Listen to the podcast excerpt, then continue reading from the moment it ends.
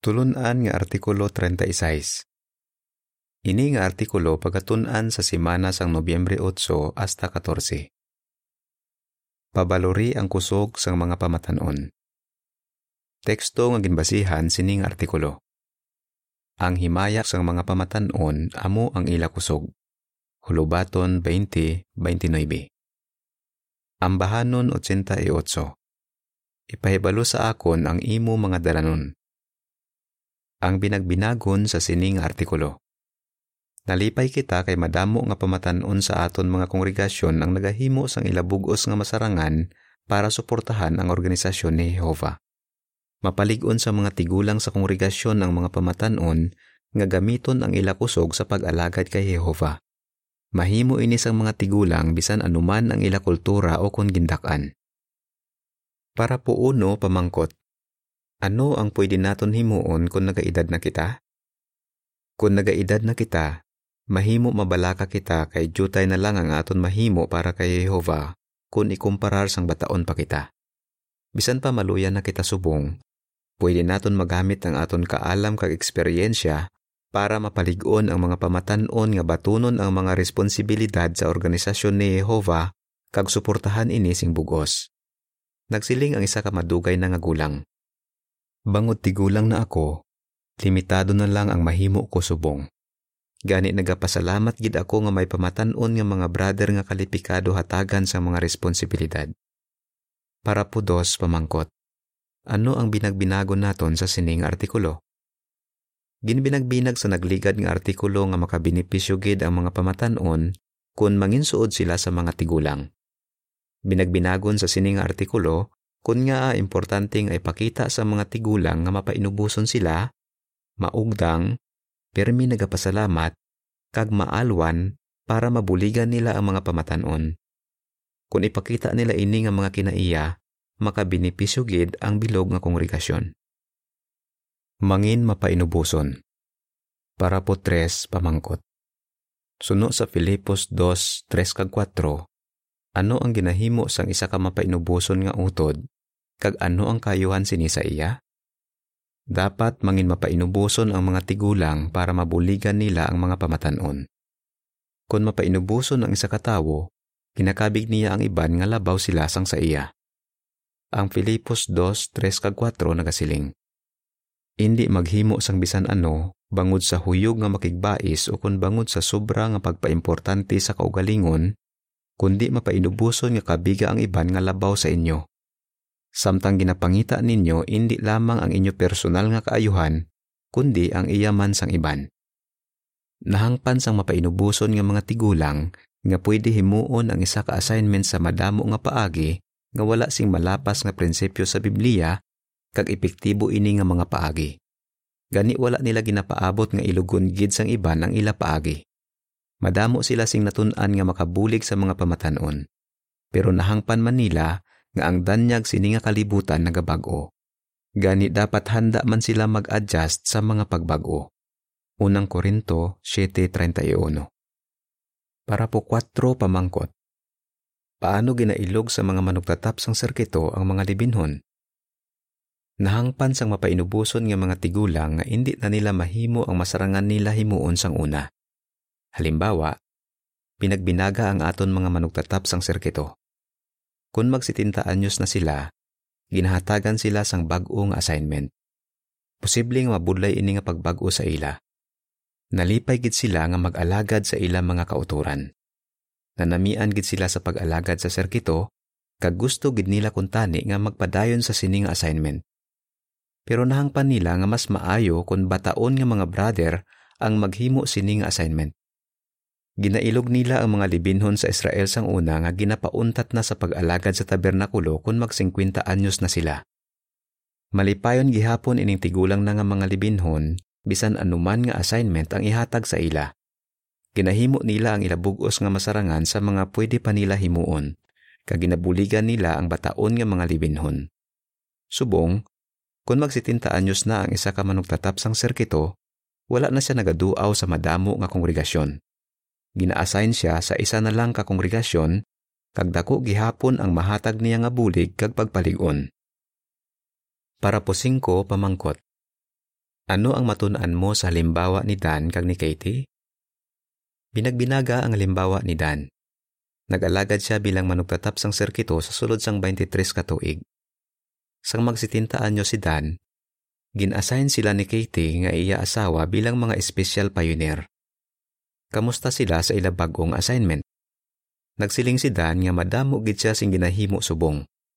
Ginaatipan niya ang iya mga responsibilidad sa kongregasyon Ginabuligan niya ang mga brother nga mangin kalipikado nga mga ministerial nga alagad, kag ginahanas niya ang iban sa pagbantala sa syudad kag sa mga prisuhan. Mga kauturan namon nga tigulang na. Madamo gid kamo sing mabulig sa iban. Makabulig pagani kamo bisan indi ninyo masarangan magpioneer. Paano? Panikasugin ninyo nga mag-adjust sa inyo bag-o nga kahimtangan, maguna-huna sa mga pwede pa ninyo himuon, kag mag-focus lang sa inyo masarangan himuon. Ari ang paathag sa mga picture nga gingamit para sa parapo 4 kag 5. Sang nagsitinta anyos ang isa ka manugtatap sang sirkito, nakabaton siya kag ang iya asawa sang bag-ong assignment. Subong, nagaalagad sila sa isa ka kongregasyon kag ginahanas nila ang iban paagi sa pagsugid sa ila sang ila mga natun-an sa madamo nga tinuig. Ang caption sini nga mga picture nagasiling. Ginasugid sang maalwan nga mga tigulang sa iban ang ila mga natun-an mangin maugdang. Para size pamangkot. Nga dapat kita mangin maugdang? Maghatag sing ilustrasyon. Kinabaton sang maugdang nga tawo ang iya mga limitasyon. Ginahimo niya kung ano lang ang iya masarangan. Gani permi siya malipayon kay may mahimo gihapon siya. Makumparar naton ang maugdang nga tawo sa isa ka driver nga nagaagi sa taklaron nga dalan. Dapat siya magkambya sa loger para makataklad ang iya salakyan. Posible nga magahinay ang dalagan sang salakyan. Pero ang importante, sige-sige ang pagtaklad sini. Gani kabaluman ang maugdang nga tawo nga maabot ang tion nga dapat man siya maghimo sa mga pagbag-o kag maghinay-hinay. Kung himuon niya ini, padayon siya nga makaalagad kay Jehova kag makabulig sa iban. Para po siyete pamangkot. Paano ginpakita ni Barsilay nga maugdang siya? binagbinaga ang halimbawa ni Barsilay. Sang 80 anyos na siya, ginpangabay siya ni Hari David nga magupod sa iya kag mangin isa sa iya mga manuglaygay. Maugdang si Barsilay, gani nang hindi siya. Kabalo si Barsilay nga limitado na lang ang iya mahimo bangod tigulang na siya. Gani ginrekomendar niya ang mas bataon nga si Kimham nga ibulos sa iya. Pariho kay Barsilay, Nalipay ang mga tigulang nga hatagan sang kahigayunan ang bataon nga mga brother sa pag-alagad.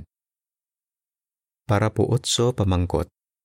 Paano ginpakita ni Hari David nga maugdang siya sang gusto gid niya nga maghimo sang templo? Maugdang man si Hari David. Gusto gid niya nga maghimo sing templo para kay Jehova. Pero sang ginsilingan siya ni Jehova nga ihatag ini nga pribilehiyo sa bata pa nga si Solomon, kinbato ni David ang desisyon ni Jehova kaginhimo niya ang iyabugos nga masarangan para suportahan ini nga proyekto.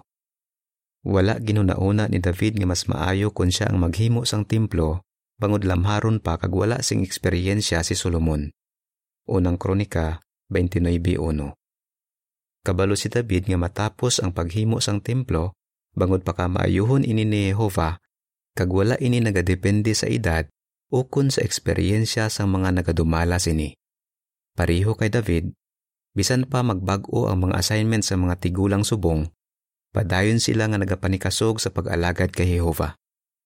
Kagkabalo sila nga pakamayuhon ni Jehova ang mga bataon nga nagbulos sa ila para himuon ang mga assignment nga ginahimo nila sang una. Ang caption sang picture nagasiling. Ginbato ni Hari David ang desisyon sang Dios nga ang iya anak ang magahimo sang templo.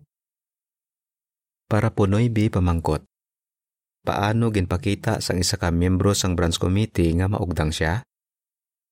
Ginpakita sang isa ka brother nga si Shigeyo nga maugdang siya. Sang 1976, sang 30 anyos siya, nag-alagad siya bilang miyembro sang branch committee. Sang 2004, nangin coordinator siya sang branch committee. Sang ulihi, na-realisar niya nga nagaluya na ang iya lawas kag mas madugay na niya matapos ang iya mga ginahimo. Ginpangamuyo niya ang iya sitwasyon kag ginhuna-huna niya ang benepisyo kung bataon nga brother ang mangin coordinator. Subong, hindi na coordinator si Sigeyo, pero padayon siya nga nagabulig sa kaupod niya nga mga miyembro sang branch committee. Ano ang matun-an naton sa halimbawa ni Barsilay, ni Harit David, kag ni Sigeyo? Kabalo ang mapainubuson kag maugdang nga tawo nga madamo pa sang dapat matun-an kag pauswagon ang mga bataon. Pero wala siya nagapokus sa sini. Sa baylo, nagapokus siya sa ila ikasarang kakusog. Wala niya ginauna-una nga ginakompetensyahan siya sa mga bataon, kundi mga kaupod niya sila sa pag-alagad. Permi magpasalamat. Para po Jess pamangkot. Ano ang pagtanaw sa mga tigulang sa mga pamatanon sa kongregasyon? Para sa mga tigulang, regalo halin kay Jehova ang mga pamatanon. Gani nagapasalamat kid sila sa ginahimo sini nga mga pamatanon. Pangod maluyan na ang mga tigulang, nagapasalamat sila nga may mga pamatanon nga handa sa pag-alagad kag may ikasarang sa paghimo sa mga hilikoton sa kongregasyon. Para po onse pamangkot. Paano ginapakita sang Ruth 4:13 hasta 16 nga pakamayuhon gid ang mga tigulang kung batunon nila ang bulig sa mga bataon. Mabasa naton sa Biblia ang maayo gid nga halimbawa sang tigulang nga si Noemi. Ginbaton niya ang bulig sang isa nga mas bataon sang sa iya kag ginpasalamatan niya ini. Sang primero, ginsilingan ni Noemi ang iya umagad nga si Ruth nga balo na nga magbalik sa iya pamilya. Pero indi gusto ni Ruth nga biyaan si Noemi. Gani ginupdan siya ni Ruth pabalik sa Bethlehem. Nalipay gid si Noemi nga batunon ang bulig ni Ruth. Ginpakamaayo gid sila nga duha. Ang Ruth 4:13 hasta 16 nagasiling. Gani ginpangasawa ni Boaz si Ruth. Kag paagi sa pagpakamaayo ni Jehova, nanamkon si Ruth kag nagbunag sing anak nga lalaki. Kag nagsiling ang mga babayi kay Noemi. Dayawon si Jehova nga naghatag sa imo sing malapit nga paryente nga naghatag sa imo sing anak nga lalaki. Kabay nga ang iya ngalan mapahayag sa Israel. Siya ang nagpasag-uli sang imo kabuhi kag atipanon kaniya kung magtigulang ka na. Kay ginbunag siya sang imo umagad nga nagahigugma sa imo kag mas maayo pa siya sa pito ka anak nga lalaki. Ginkuha ni Noemi kag ginkugos ang bata kag siya ang nagatipan sa iya. Ginailog sang mapainubuson nga mga tigulang ang halimbawa ni Noemi. Para po 12 pamangkot. Paano ginpakita ni Apostol Pablo nga permi siya nagapasalamat? Permi nagapasalamat si Apostol Pablo sa bulig nga iya nabaton. Halimbawa, kinpasalamatan niya ang iyang mga kauturan sa Filipos bangon nagpadala sila sang iya mga kinahanglanon. Kinpasalamatan man niya ang pagbulig ni Timoteo sa iya. Kagsang nabilanggo si Pablo kagindala siya sa Roma, nagpasalamat siya sa Diyos bangod sa mga kauturan nga nagkadto sa iya para paligunon siya. Naglakbay si Pablo sing linibo ka kilometro para magbantala kag paligunon ang mga kongregasyon. Kag daw wala siya ginakapoy. Pero mapainubuson siya kay ginbaton niya ang bulig sang iya mga kauturan. Para po 13 pamangkot. Paano mapakita sa mga tigulang nga nagapasalamat sila sa mga pamatanon? Mga kauturan namon nga tigulang na. Madamo sing paagi para mapakita ninyo nga nagapasalamat kamo sa mga pamatanon sa inyo kongregasyon. Kung gusto nila magbulig sa inyo, batuna ang ilabulig. Halimbawa, basi gusto nila kamo sugaton kag idulong sa inyo kaladtuan. O kung basi gusto nila kamo buligan sa pagbakal sang inyong mga kinahanglanon. Tandaing ang pagbulig nila sa inyo, isa ka paagi ni Jehova para ipakita nga palangga niya kamo. Posible pagani nga manginsuod ninyo sila nga mga abyan. Mangita permis ang kahigayunan nga mabuligan sila nga manginsuod pagid kay Jehova. Kag sugiri sila nga nalipay kamo nga makita nga nagapanikasog ang mga pamatanon nga madugangan ang ila ginahimo para sa kongregasyon. Makigupod man sa ila kag isugid sa ila ang inyong mga eksperyensya. Kung himuon ninyo ini, mapakita ninyo nga mapinasalamaton kamo kay Jehova nga nagbuyok sa sini nga mga pamatanon nga manginbahin sang kongregasyon. Kolosas 3:15. Mangin maalwan. Para po 14 pamangkot. Paano ginpakita ni Hari David nga maalwan siya? Dapat man ipakita sa mga tigulang ang isa pa ka importante nga kinaiya nga ginpakita ni Hari David. Amo ini ang kaalwan. Madamo gid ang ginhatag niya halin sa iya mismo manggad para suportahan ang paghimo sang templo. Ginhimo niya ini bisan pa nga si Solomon ang kilalahon nga nagpahimo sang templo. Kung indi na naton masarangan magboluntaryo sa construction sa mga pasilidad sang organisasyon ni Jehovah, pwede gihapon naton masuportahan ini nga mga proyekto paagi sa pag-amot suno sa aton masarangan. Kag makabulig kita sa mga pamatanon, kung isugid naton sa ila ang mga natun-an naton sa madamo nga tinuig. Para po 15 pamangkot. Ano ang gintudlo ni Apostol Pablo kay Timoteo? Binagbinaga ang kaalwan nga ginpakita ni Apostol Pablo. Ginupod niya ang pamatanon nga si Timoteo sa iya paglakbay bilang misyonero. Maalwan gid si Pablo kay gintudlo niya kay Timoteo ang iya mga paagi sang pagbantala kag pagtudlo. Ginanas ni Pablo si Timoteo para mangin maayo siya sa pagbantala kag pagtudlo sang maayong balita. Dayon, gingamit ni Timoteo ang natun-an niya kay Pablo para hanason man ang iban. Para po 16 pamangkot. Nga a ginhanas ni Sigeyo ang iban? Wala na balaka ang mga tigulang nga base hindi na sila makabulig sa kongregasyon sa ulihi kung hanaso nila ang mga pamatanon para buslan sila sa ila assignment. Ang isa kalimbawa amo si Sigeyo nga ginsambit ka ina. Madamo nga tinuig nga ginhanas niya ang bataon nga mga miyembro sang branch committee. Ginhimo niya ini para makabulig siya sa hilikoton sang ginharian sa ila pungsod. Gani sang kinahanglan na siya buslan bilang coordinator, may brother nga nahanas gid sing maayo para sa sining assignment.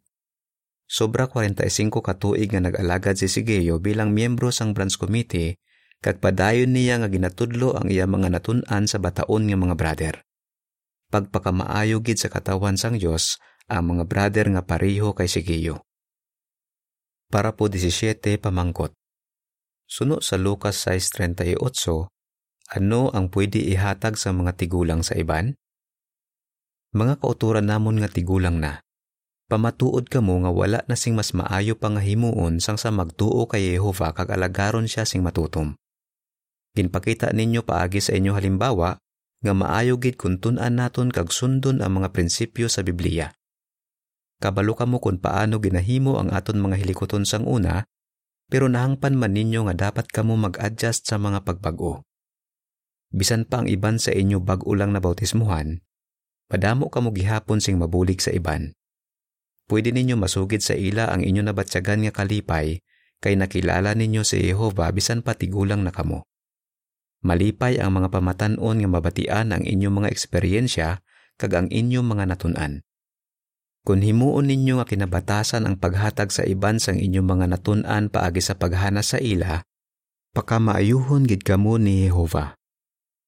Ang Lucas 6.38 nagasiling, Himua nga kinabatasan ang paghatag sa iban, kag sila magahatag sa inyo. Ibubo nila sa inyo sabak ang bugos nga sukob nga nadasok, nauyog kag nagaawas.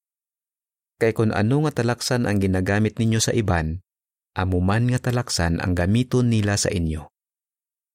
Para po 18 pamangkot. Paano mapaligon sa mga tigulang kag mga pamatanon ang isa kag isa? Pinalangga namon nga mga kauturan nga tigulang na. Kung manginsuod kamo sa mga pamatanon, mapalig-on ninyo ang isa kag isa.